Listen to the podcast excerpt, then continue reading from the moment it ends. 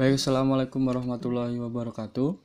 Nah, untuk selanjutnya eh, pembahasan terkait dengan terbentuknya kepulauan Indonesia. Nah, secara umum, kendati telah memungkinkan muncul dan berkembangnya manusia purba pertama, keadaan alam atau bumi pada kala Pleistosen atau masa Neozoikum belum sepenuhnya stabil. Nah, meski demikian, perkembangannya jauh lebih baik dibandingkan masa-masa sebelumnya. Nah, ketidakstabilan tersebut disebabkan oleh tiga faktor utama, yaitu adanya perubahan bentuk daratan akibat gerakan tenaga endogen dan eksogen. Kedua, perubahan iklim berupa es yang mencair dan atau membeku yang mengakibatkan perubahan suhu bumi dan luas daratan. Itulah alasannya kala Pleistosen juga sering disebut dengan zaman emas atau zaman glasial. Dan yang terakhir faktor lainnya itu adalah letusan gunung berapi. Nah, gabungan ketiga faktor tersebut terutama gerakan tenaga endogen berupa pergerakan lempeng tektonik juga ikut membentuk kepulauan Indonesia seperti yang kita alami sekarang ini. Nah, yang pertama itu adalah tenaga endogen atau pergerakan lempeng tektonik.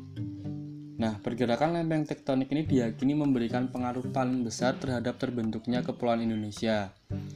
Ketidakstabilan akibat pergerakan lempeng tektonik itu sudah dimulai pada masa Mesozoikum atau sekitar 60 juta tahun yang lalu dan terus berlanjut berlanjut pada masa Neozoikum. Nah, jadi terbentuknya kepulauan Indonesia dimulai sekitar 60 juta tahun yang lalu. Sebelumnya wilayah yang disebut Kepulauan Indonesia masih merupakan bagian dari samudera yang sangat luas yang meliputi hampir seluruh bumi. Nah, lempeng apa sajakah yang membentuk Kepulauan Indonesia? Nah, Indonesia itu dibentuk oleh tiga lempeng besar dunia, yakni lempeng Indo-Australia, lempeng Eurasia, dan lempeng Pasifik. Nah, di samping itu terdapat juga lempeng Filipina yang lebih kecil. Tiap-tiap lempeng ini memiliki arah gerakan yang berbeda. Nah, uh, intinya dalam tenaga endogen ini atau pergeser, perger, pergerakan lempeng lempeng tektonik ini adalah faktor yang nanti membentuk uh, kepulauan Indonesia ini. Seperti contoh misalnya lempeng Eurasia yang berada di bagian utara Indonesia bergerak ke arah selatan tenggara Indonesia. Nah, lempeng Austral Australia bergerak ke arah timur laut Indonesia dan lempeng Pasifik ke arah barat daya Indonesia. Nah, sementara itu, lempeng Filipina bergerak ke arah barat daya Indonesia. Kecepatan gerakan lempeng berkisar antara 7 sampai 9 cm per tahun. Nah, inilah nanti lempeng-lempeng yang akhirnya membentuk uh, secara perlahan berangsur-angsur membentuk uh, kepulauan Indonesia ini. Nah, selanjutnya adalah tenaga eksogen. Nah, tenaga eksogen ini merupakan tenaga yang berasal dari luar bumi. Sifat umum tenaga eksogen adalah merombak bentuk permukaan bumi hasil bentukan dari tenaga endogen. Bukit atau tebing yang terbentuk karena proses gerakan endogen terkikis oleh angin dapat mengubah bentuk permukaan bumi. Nah, secara umum tenaga eksogen ini berasal dari tiga hal, yaitu atmosfer, yaitu perubahan suhu uh, dingin, panas seperti itu. Kemudian air berupa aliran air, siraman hujan, hempasan gelombang laut, gletser dan sebagainya. Atau organisme, yaitu berupa jasad renik, tumbuh-tumbuhan, hewan dan manusia. Nah, kemudian yang selanjutnya uh, adalah perubahan iklim. Nah, perubahan iklim berupa turunnya permukaan laut sekitar 60-70 meter di bawah permukaan laut. Hal ini karena bagian terbesar air di dunia membeku. Uh, ini terjadi pada masa glasial, terutama di bagian bumi utara dan selatan. Laut-laut yang dangkal itu kemudian berubah menjadi daratan.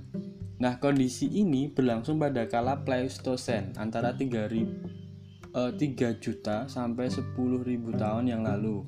Disebut dengan zaman es atau zaman glasial.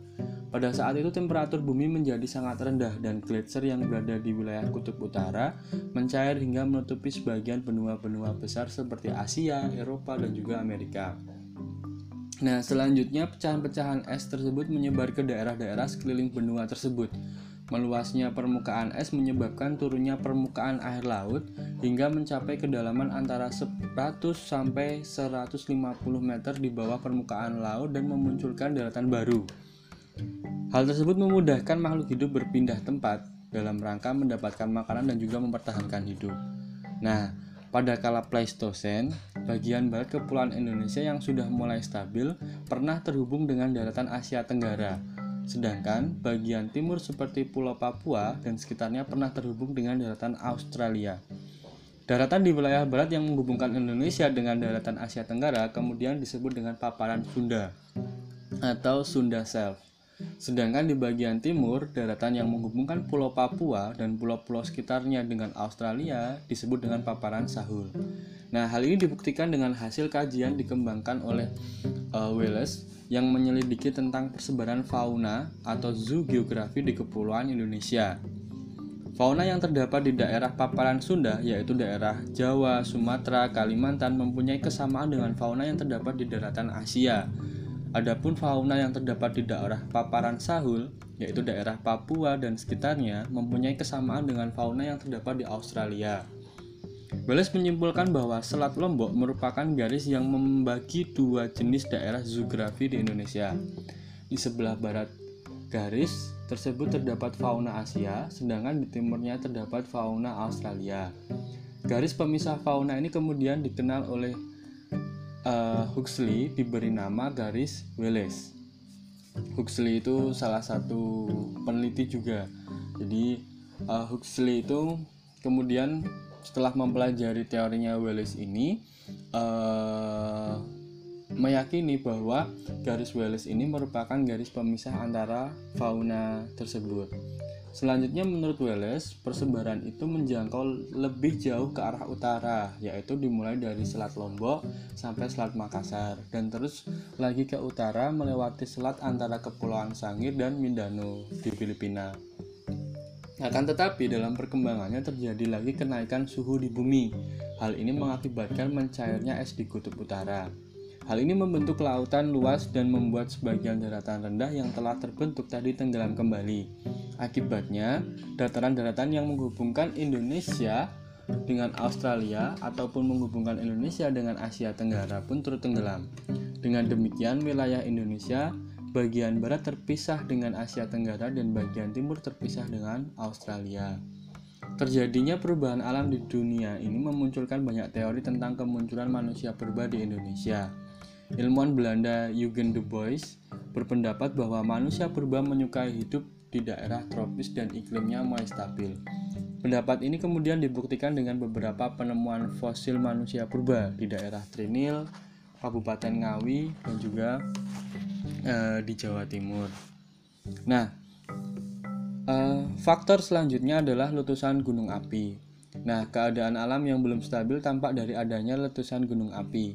Lempeng tektonik berupa massa batuan yang sangat besar sehingga energinya besar pula. Nah, lempeng-lempeng yang terus bergerak ini pada suatu saat akan mengalami gesekan atau benturan yang cukup keras.